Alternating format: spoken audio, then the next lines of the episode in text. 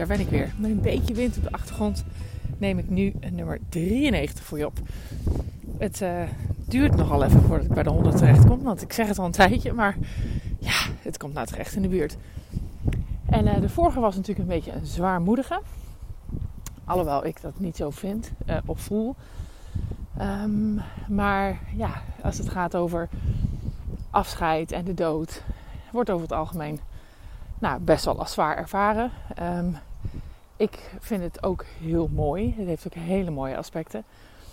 Zeker als mensen ja, op een tijd gaan die ook oké is. En dat zal iedereen vinden. Het is natuurlijk heel anders als je iemand moet verliezen die veel te vroeg gaat. Maar ook dan is het belangrijk om over na te denken. Dus luister die nog maar eens terug. Um, en ik ben vandaag lekker aan het wandelen in uh, nou, eigenlijk de polder van ja, mijn omgeving. In de buurt van Breda dus. En uh, het is eigenlijk een beetje een hei-achtig uh, poldergebied. Super mooi. En uh, nou, ik dacht, het is weer tijd. Want ik had van de week een prachtig inzicht. Nou, eigenlijk vorige week. En um, ik heb natuurlijk wel eens vaker gezegd, of heel veel mensen zeggen dat, en ik heb dat inmiddels overgenomen. is dat je gedrag, wat je vertoont, altijd iets oplevert.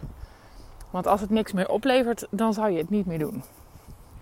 En um, dat is in mijn uh, geschiedenis in de zorg voor mensen met, een, met, met ingewikkeld gedrag. Um, en ook de begeleiding van medewerkers. Als leidinggevende in mijn uh, hele loopbaan ben ik eigenlijk nou ja, langer wel leidinggevende geweest dan niet.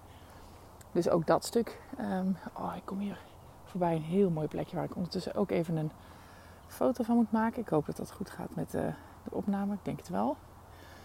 Maar het is echt, ik zit hier naar een prachtig stukje natuur te kijken. Een soort vogelbroedgebied is het. Ik hoop dat het gelukt is. Ja, zo zien wel. Um, nou, dus die ga je vast op Instagram uh, tegenkomen, dat mooie stukje. um, maar goed, waar was ik? Oh ja, gedrag. En um, soms kan gedrag van mensen zo ingewikkeld of destructief, niet helpend, niet vooruitstuwend, maar afremmend zijn of wat dan ook. Maar er is altijd een reden waarom ze het blijven doen. Want anders zouden ze er wel mee stoppen. Want dat hele destructieve of afremmende of niet helpende, dat zien we allemaal en dat ziet die persoon zelf ook. En wij, jij en ik ook. Alleen toch blijf je het doen. Dus dat betekent dat het iets oplevert. Zo had ik mijn eigen enorme inzicht vorige week. Toen ik met uh, uh, Shirley, dat is uh, Shirley Verduin, volgt op Instagram. Zeker als je vrouw bent van mijn leeftijd. Dan is dat super interessant om haar te volgen. maar daar had ik een, een, een call mee. omdat zij mij begeleidt in mijn eeuwige strijd met de kilo's. en ja, ik, heb, ik was inmiddels in week 6 of 7 of zo met haar. Dat gaat hartstikke goed en ik val af en uh, nou, ik voel me goed en gezond. En op zich, het eten, uh, heb ik ook niet het gevoel dat ik honger moet hebben. Of ik heb enorme inzichten gekregen van haar over wat je dan moet eten, nou, enzovoort. Maar toch bleef die strijd in mijn hoofd zitten met dat ik eigenlijk mezelf gun, uh, en zo noem ik het dan ook, om af en toe uit de band te springen. En dat ik als zij het vertaalt naar mij. Ik gun het mezelf dus om bij tijd en wijlen gewoon hartstikke veel zooi in mijn lijf te willen stoppen. En ze zegt, waarom gun je jezelf dat? Wat is daar dan fijn of goed aan? Want ja, je zou toch denken dat je jezelf gunt om uh, gezond te zijn, om gezonde voedingsstoffen in jezelf te stoppen, om gezonde dingen te doen qua sporten en bewegen. En dat is ook zo, want daar voel ik me ook goed bij. Dus ik snapte het ook niet zo goed. En toch was het er.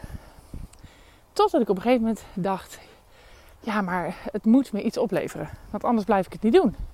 Wat is dat nou dan? Is het nou dat ik het zo lekker vind? Of dat het me zo helpt? Of dat ik echt zo'n. Ik ben ook wel een beetje een emotie-eter. is dat het dan?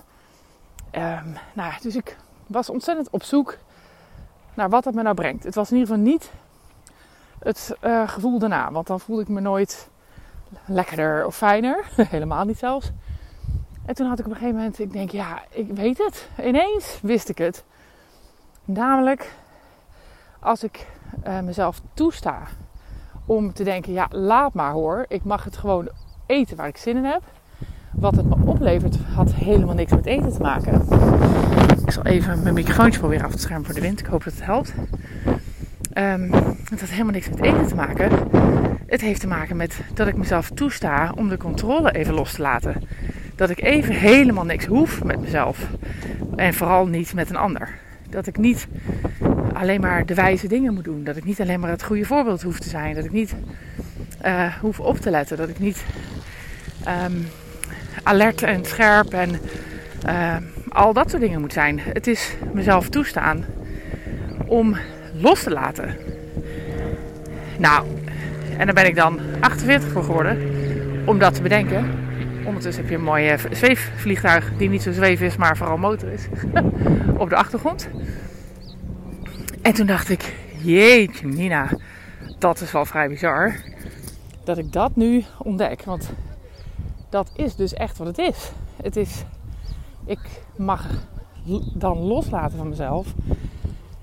En ik weet dus geen andere manier om dat te doen dan uh, dat met eten te doen.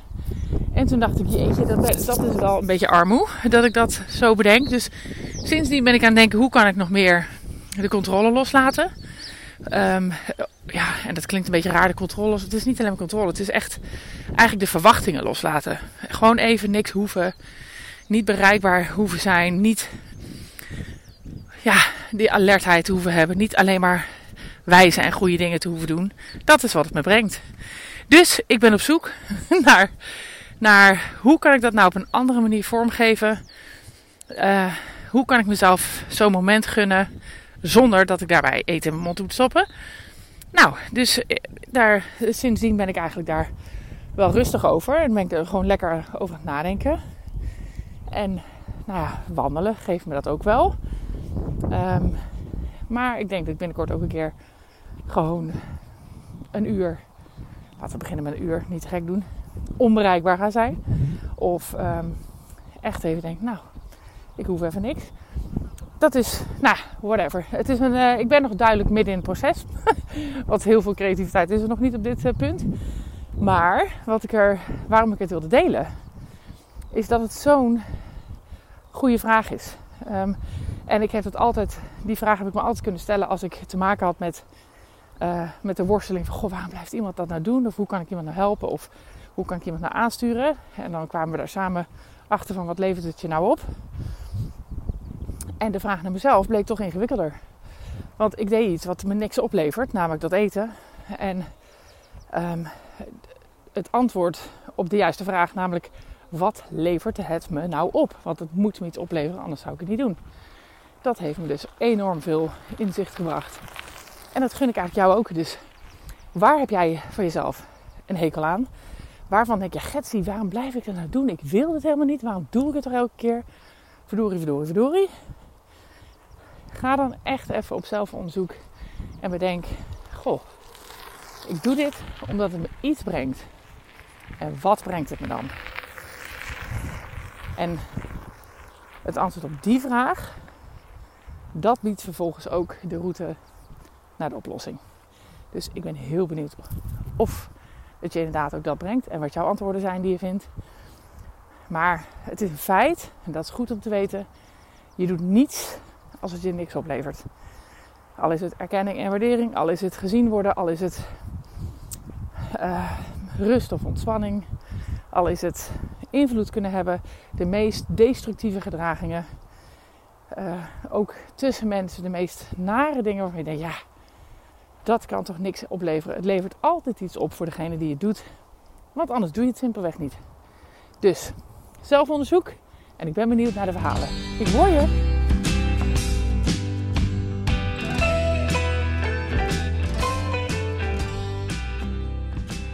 Lieve mensen, dat was hem weer.